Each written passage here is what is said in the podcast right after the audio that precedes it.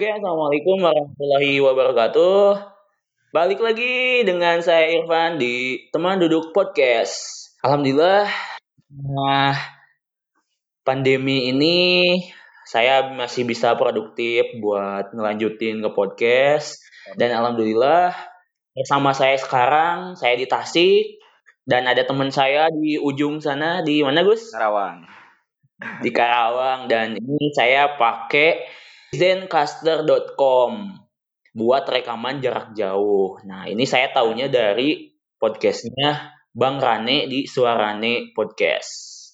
Nah, di episode sekarang saya sama teman saya Agus. Kenalin dulu Gus, silakan. Kamu. Apa aja nih yang bisa dikenalin nih? Uh, ya, nama, kesibukan, apa, sebagai apa, terus ya udah sih gitu aja lah standar. Nama Agus Pranoto. Ya di sini yeah. kerja ya di perusahaan swasta di bidang jasa arsip gitu. Udah lumayan lama dari hmm. 2016 udah gitu. wih mantap mantap mantap. Kita kenal di mana Gus? Kita kenal waktu pas kuliah ya Van ya? 2012 ya. kita satu jurusan satu angkatan dan pernah satu kosan juga ya? Iya Nah sekarang gini Gus, saya pengen nanya-nanya aja sih ya curhat atau gimana gitu di tengah kondisi wabah yang mendunia ini COVID-19. Luar biasa. Um, saya pengen pengen tahu aja sih dari sudut pandang pekerja gitu kayak kamu uh, yang apa kerja di perusahaan kayak gitu apa sih dampak dari COVID-19 ini gitu sih Gus. Ya seputar itulah mungkin nanti kita ngeritik pemerintah juga sebisa kita ya Gus ya. udah udah kan didengar kita. Ya gitu Gus. Gimana Gus? Kamu eh cerita dulu nih tentang perkembangan COVID dong. Kamu udah lihat update terbaru hari ini udah berapa ribu orang yang positif di Indonesia? Ya, kabar terbarunya sih dengarnya 14 14 1414 kalau tidak salah yang sekarang hari ini seluruh di Indonesia ya. Mm-hmm. Nah, sedangkan di Karawang sendiri ini udah nambah kemarin 7. Karawang nambah lagi 13. Jadi ya kalau untuk situasi tempat kerja sih masih libur sampai tanggal 2 karena saya work mm. from home selama kurang lebihnya 10 hari. Nah, nggak tahu nih nambah apa enggaknya gitu. Tapi gaji aman. Oke, itu aja mungkin. Alhamdulillah. Kalau total di Indonesia berapa ya? Totalnya 1414 kalau nggak salah kalau seluruh Indonesia. 1414. Itu kemarin apa sekarang? Kalau nggak salah per kemarin tanggal 30. Nah, hari ini saya belum lihat lagi nih. Ya, yang oh meninggalnya itu 122 kalau nggak salah. 122. Oh, duh itu udah kayak 10 persenan ya yeah. dari total yang yang kejangkitnya tinggi banget sih Indonesia. Iya lumayan. Makanya nambah terus nambah terus grafiknya nih tiap hari. Ah, benar-benar. Dan saya sih khawatirnya kan pemerintah tuh gak ngebolehin lockdown ya meskipun ada beberapa daerah yang inisiatif buat nge-lockdown uh, lokal gitu ya. Hmm. Di masing-masing daerahnya apa Tegal, Tasik dan mana lagi gitu. Kalau kata bapak saya, saya gak lihat langsung beritanya sih. Katanya Jokowi negur gitu ke bupat uh, ke kepala daerah yang mau bikin kebijakan itu. Oh gitu. Iya soalnya kan hmm. kan yang wenangnya kan pemerintah pusat ya dan kabarnya sekarang mau ada kebijakan baru lagi. Uh-uh. Yang karantina nah, wilayah itu. dan bahkan kemarin tuh saya lihat berita ada di salah salah satu desa di Purbalingga atau di mana gitu. Itu kan ada satu orang positif, dia baru pulang dari Jakarta, kemudian hmm. kayak ber, berinteraksi kayak gitu. Si kepala desanya berinisiatif buat nge-lockdown desa. Kampungnya kampungnya apa desanya gitu? Ada berapa puluh kepala keluarga dan itu ditanggung selama 14 hari sama dana bencana gitulah. Dihitung-hitung tuh total 50 ribu per hari per kakak itu untuk dua minggu itu habis 21 juta tapi ya mungkin itu kena tegur juga. Oh udah mulai di daerah gitu ya? Di kampung saya sebenarnya gitu di apa di kabupaten saya Wonosobo ada beberapa desa hmm. yang inisiatif lockdown sendiri gitu, nutup portal di hmm. desanya buat nggak masuk keluar masuk selain orang di wilayah hmm. itu. Nah ini nggak tahu kelanjutannya kan harusnya Tasik itu mulai sekarang ya ngelockdownnya. Nah, Ya. berhubung di Bogor itu, nah saya juga gak tahu kelanjutannya apakah beneran dilanjut lockdown lokalnya atau enggak gitu. Oh, iya sih kalau Tegal, Tegal itu juga udah kan? Dan itu sampai sekarang. Iya udah, lebih awal. Iya, ya gitulah kondisinya di sini kayak gitu Van di Karawang. Nah, di sana gimana Gus? Kondisi di sekitar kamu masih rame, normal atau udah mulai sepi? Tadi siang saya nyari makan dan itu masih kayak Ya. normal-normal aja gitu Van, nggak ada perubahan. Oh, kalau di saya sama sih masih normal di sini di di deket rumah. Bahkan kemarin saya ke daerah pasar ya masih rame. Iya, jadi kalau di pasar saya di daerah saya di kecamatan saya kemarin saya kan main ke pasar masih rame gitu pasarnya masih kayak gak ada apa-apa aja biasa aja. Karena masih belum ada ketegasan gitu sih mungkin ya dari pemerintahnya. nah iya beneran. Jadi menurut saya kalau kayak Pak Jokowi kan social distancing bla bla bla itu tuh kayak himbauan gitu loh sama Iya. masyarakat ya gak diturutin gitu. Iya, kayak mudik anjuran doang, jadi nggak ada si- sifatnya ngikat peraturan gitu Van. iya dan itu malah justru bikin yang mudik pada mudik gitu dan Iya. kemungkinan makin menyebarnya tuh makin ini Gus makin cepat banget gitu Iya, yang dikhawatirin kan itu. Yang Wonosobo itu ada positif satu orang karena mudik juga itu. Oh gitu. Dari Jakarta. Jakarta dari epicentrumnya.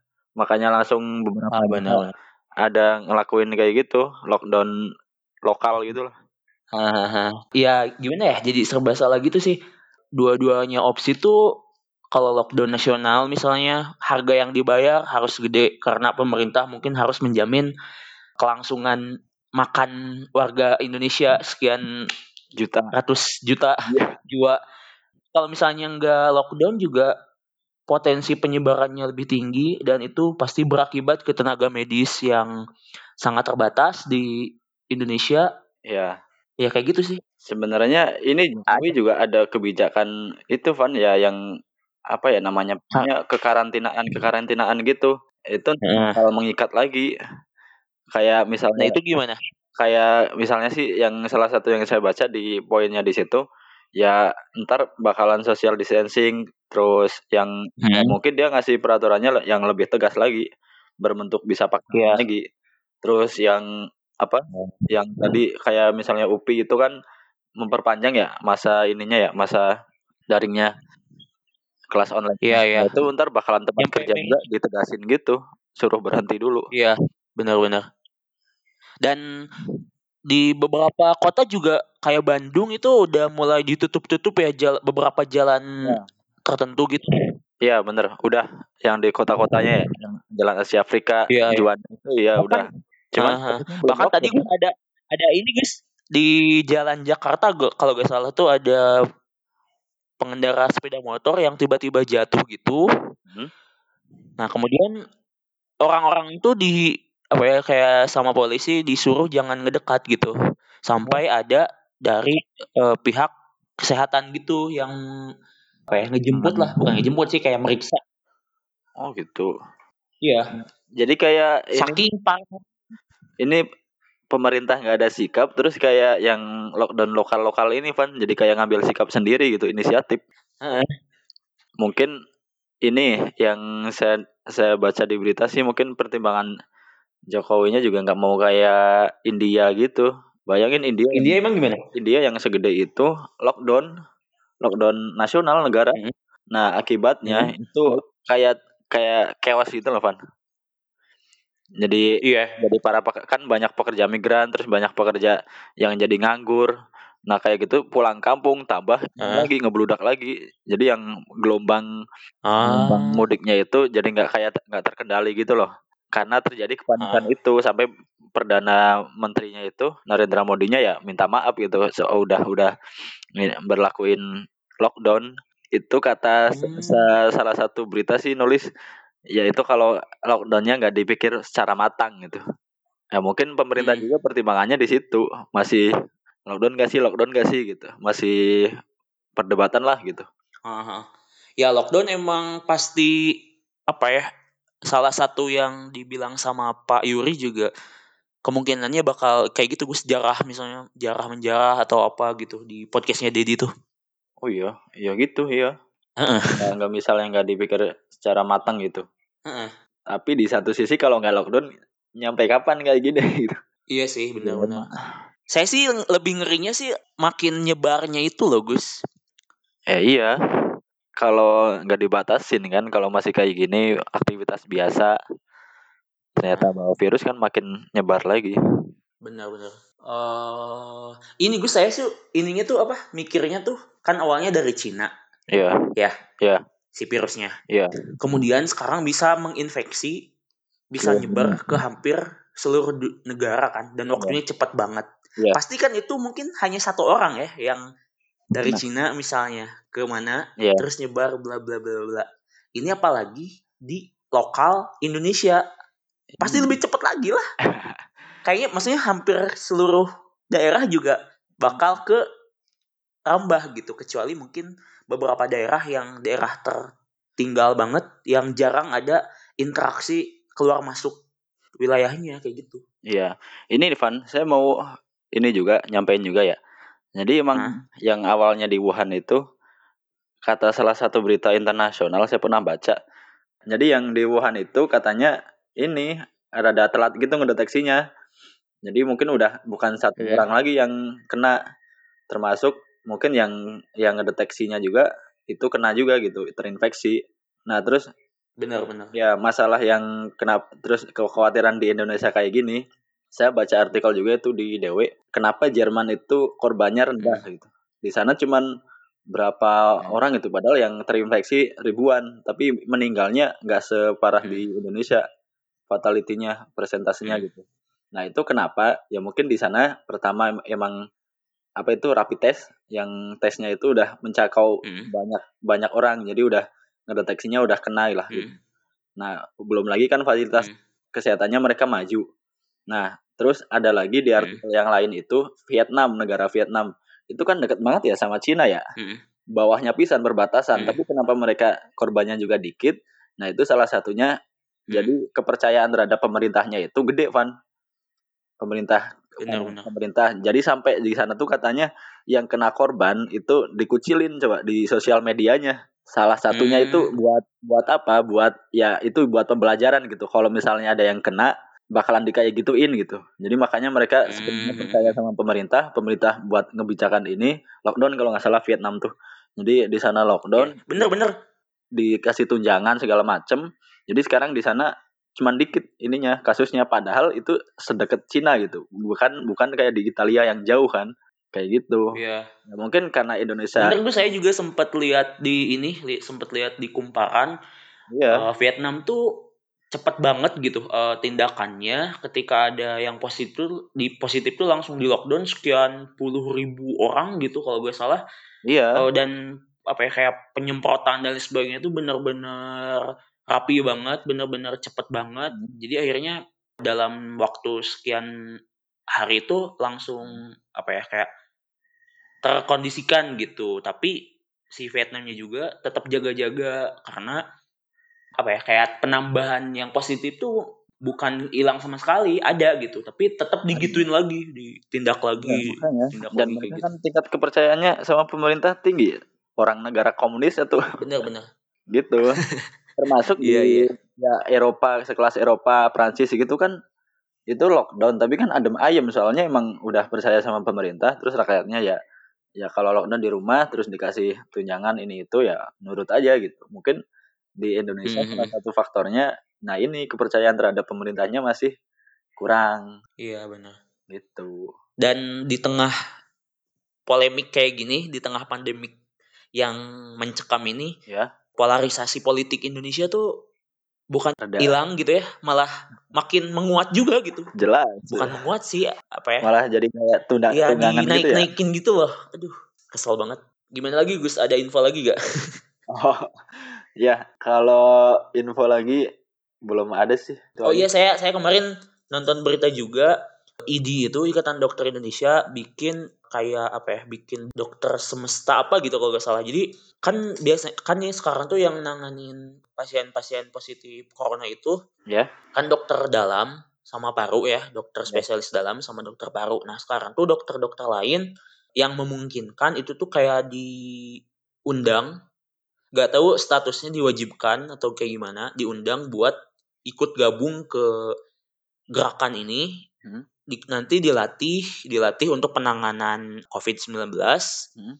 terutama yang pasien-pasien yang memungkinkan untuk ditangani oleh non spesialis tadi gitu. Jadi nggak mesti ada penanganan khusus kayak pemasangan alat dan sebagainya nah itu bisa dilakuin sama dokter yang lain juga gitu Hmm. jadi nanti dilatih kayak gitu kemudian kalau ada rumah sakit yang membutuhkan tenaga medis dukungan gitu nanti bisa diterjunkan yang dokter-dokter yang udah dilatih ini ya ini menurut saya sih udah kayak wujud dari kebersatuan profesi dokter gitu Iya iya. dan saya apresiasi banget sama inisiasi dari ID-nya gitu. Iya iya. Keren sih, iya sih udah jadi karda terdepan lah pokoknya itu ya. Uh-uh.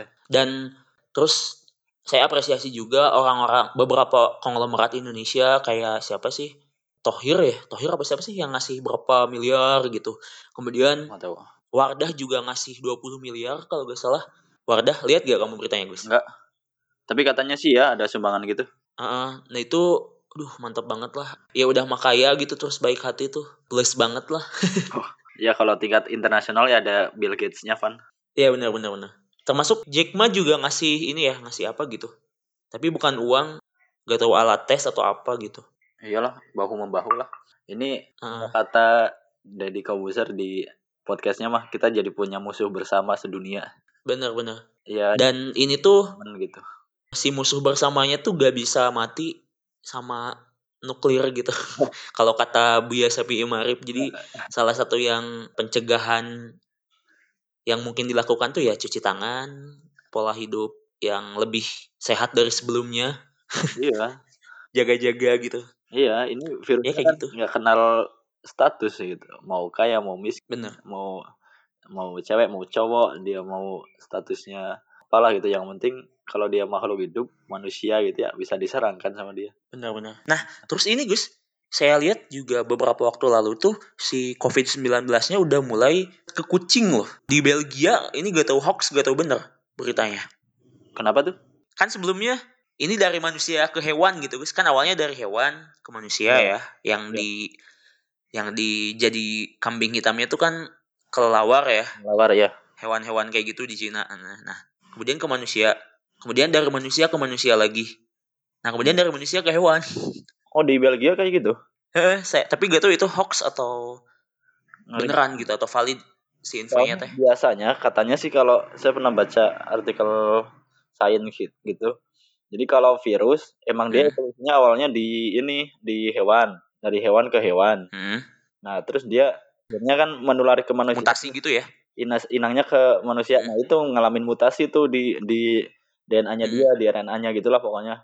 Proteinnya dia nyesuaiin sama Hmm. manusia. Nah, kalau udah manusia sama manusia itu ya biasanya udah berputarnya di situ. Karena Hmm. ya ya begitu di manusia kan nyebarnya kan cepet tuh apalagi kan yang padat kayak sekarang gitu ya penduduknya itu kan cepet nah Hmm. biasanya yang udah yang udah di manusia ke manusia ini udah satu jenis virusnya gitu nah kalau misalnya dia ke hewan berarti mungkin mutasi lagi gitu virusnya Hmm, hmm, hmm.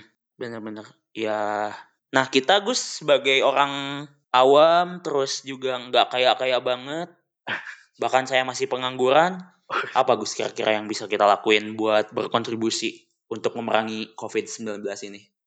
ya kalau kontribusi saya waduh saya nggak bisa ngasih banyak siapa saya gitu ya kalau kayak ente itu kan bisa nularin ke followernya bisa nul- nularin di karya-karyanya gitu ya ya mungkin kontribusi Ah. saya bisa ng- ngasih tahu ke ente ya gitu aja sih Van ke follower-followernya biar ya apa sih yang harus dilakuin setahu kita ya kita mah nggak nggak tahu lebih emang Ah. kita ngomong gitu ya cuman gimana pun caranya ya kalau misalnya ada informasi yang berkaitan sama ini bisa kita sampein gitu Benar-benar.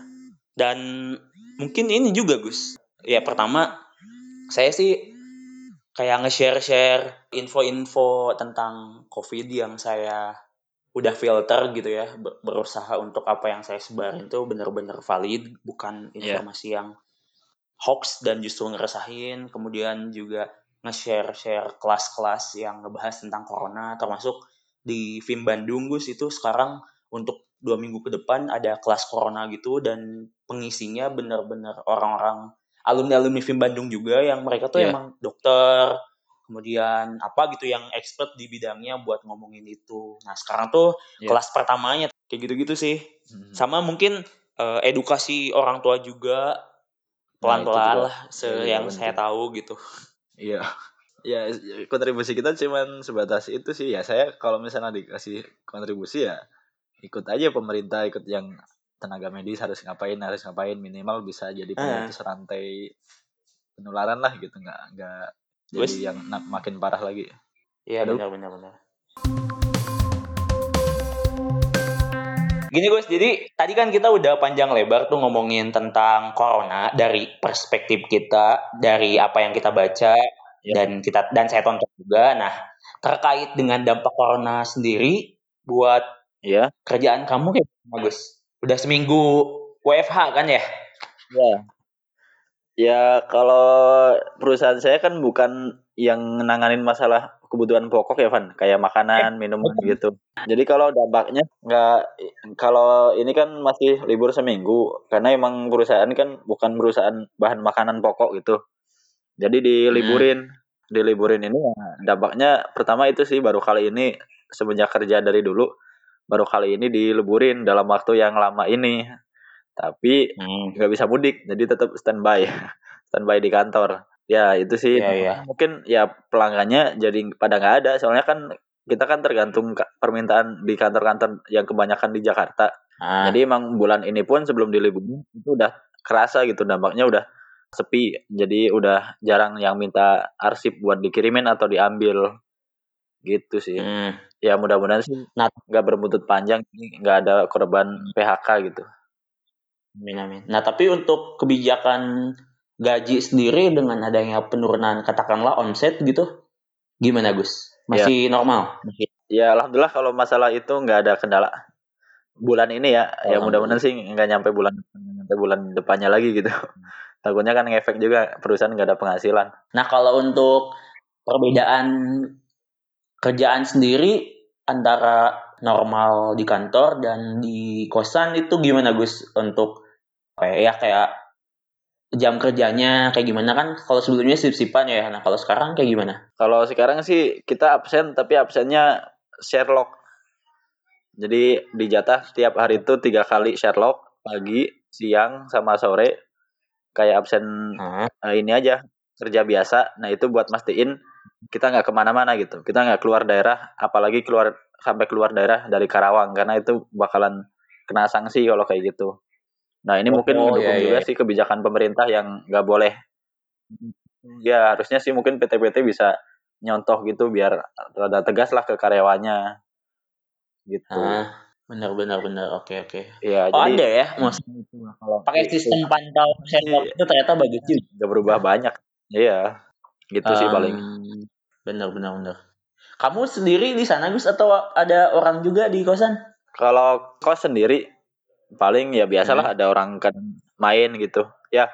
Oh. Kadang-kadang main tapi orang ini aja yang punya kosan aja. Kalau yang lain mah nggak nggak nggak nggak ada yang main. Jadi maksudnya di sana nggak pada mudik gitu? Gitu. Jadi yang kebanyakan sendiri pak oh. Kan biasanya satu kosan itu ada beberapa kamar tuh. Nah ya. kamar-kamar yang lain itu pada pulang nggak orangnya atau gimana? Oh. Ada? Oh, di sini sih saya sendiri ini kamar yang ada oh. satu lagi cuman ada beberapa uh, tiga kamar lagi tapi emang dari dulu belum diisi sih. Dan oh, berarti emang pribumi. Udah biasa sendiri ya, Gus. udah, udah biasa lah. Apalagi kayak gini ya tinggal telepon kalau misalnya butuh pengen ngobrol sama yang lain gitu sih. Soalnya kalau di saya kan ada berapa ya? 5 12 kamar atau berapa gitu. Nah, sekarang tuh saya terakhir pulang seminggu yang lalu itu tuh yang lain udah pada pulang gitu. Oh. Jadi kalau misalnya saya sendiri di kosan, waduh, Enggak ya? bisa kesepian, Gus. iya. Loh, itu mah udah biasa lah pan itu, Pak. sorry, sorry. Jadi curhat ya gak apa-apa.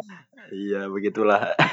oh iya Gus, ini kabar Bupati Bupati Karawang gimana Gus? Ya sampai sekarang masih ya perawatan mungkin isolasi ya. Belum ada hmm. kabar lebih jauh lagi. Benar benar benar. Diwakili sama wakil bupatinya. Tapi itu wakil bupatinya kena ya soalnya.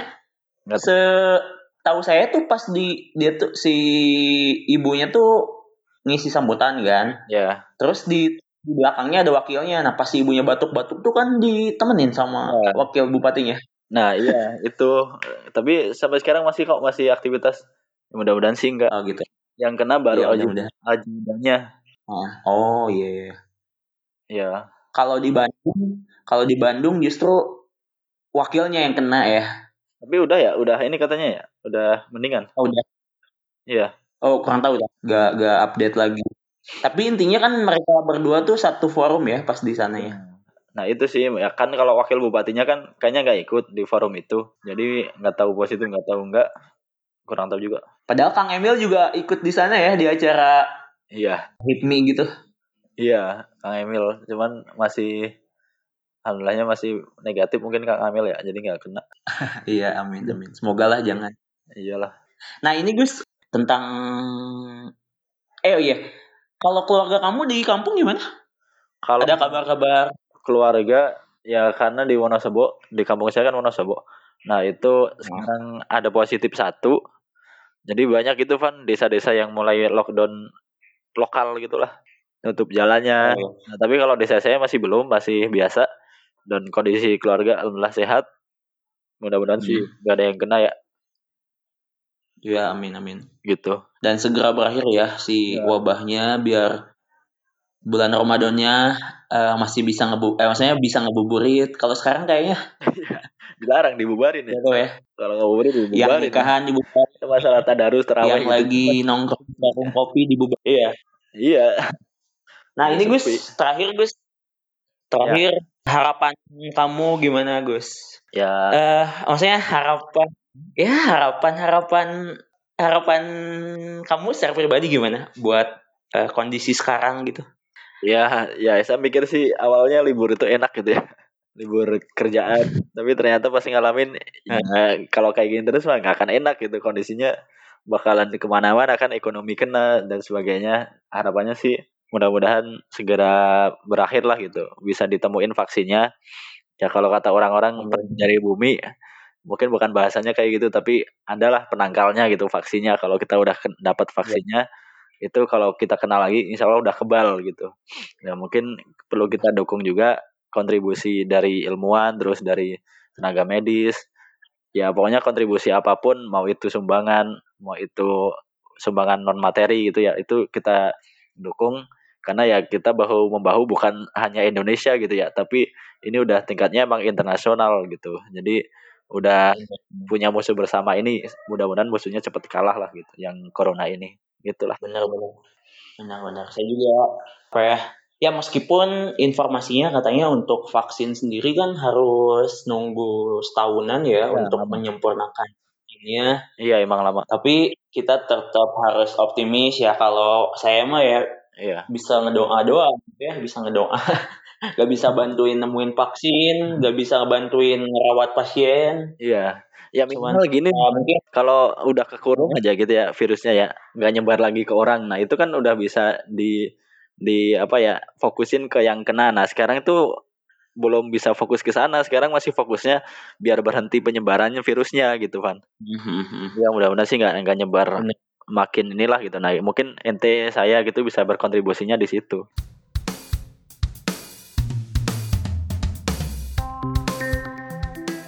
keadaan kayak gini tuh gak ada sama sekali di bayangan saya gitu loh selama saya sekian puluh tahun hidup ya normal-normal aja gitu. Dan ternyata sekarang ada kejadian yang bikin heboh seluruh dunia. Ya udah kayak kiamat mini gitu lah mungkin. Hmm. apalagi kiamat ya, ya serem banget.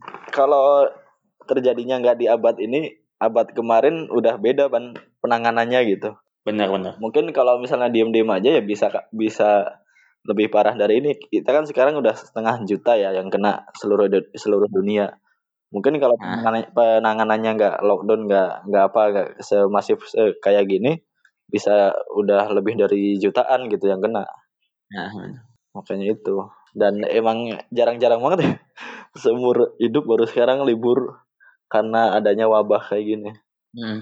dan uh, apa ya kayak ngubah seluruh hal yang ada di dunia gitu termasuk bener termasuk perkuliahan di kampus bahkan termasuk teknis buat bimbingan skripsi dan tesis bahkan di kampus saya juga disuruh buat ganti metode penelitian ke uh, literatur gitu ya buat yang belum terjun ke lapangan.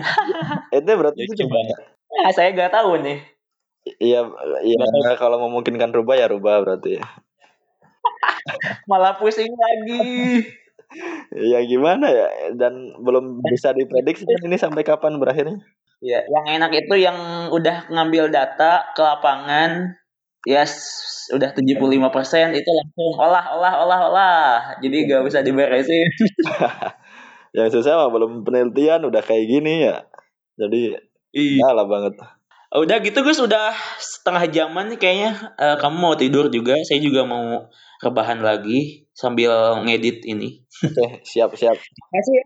oke siap. Udah mau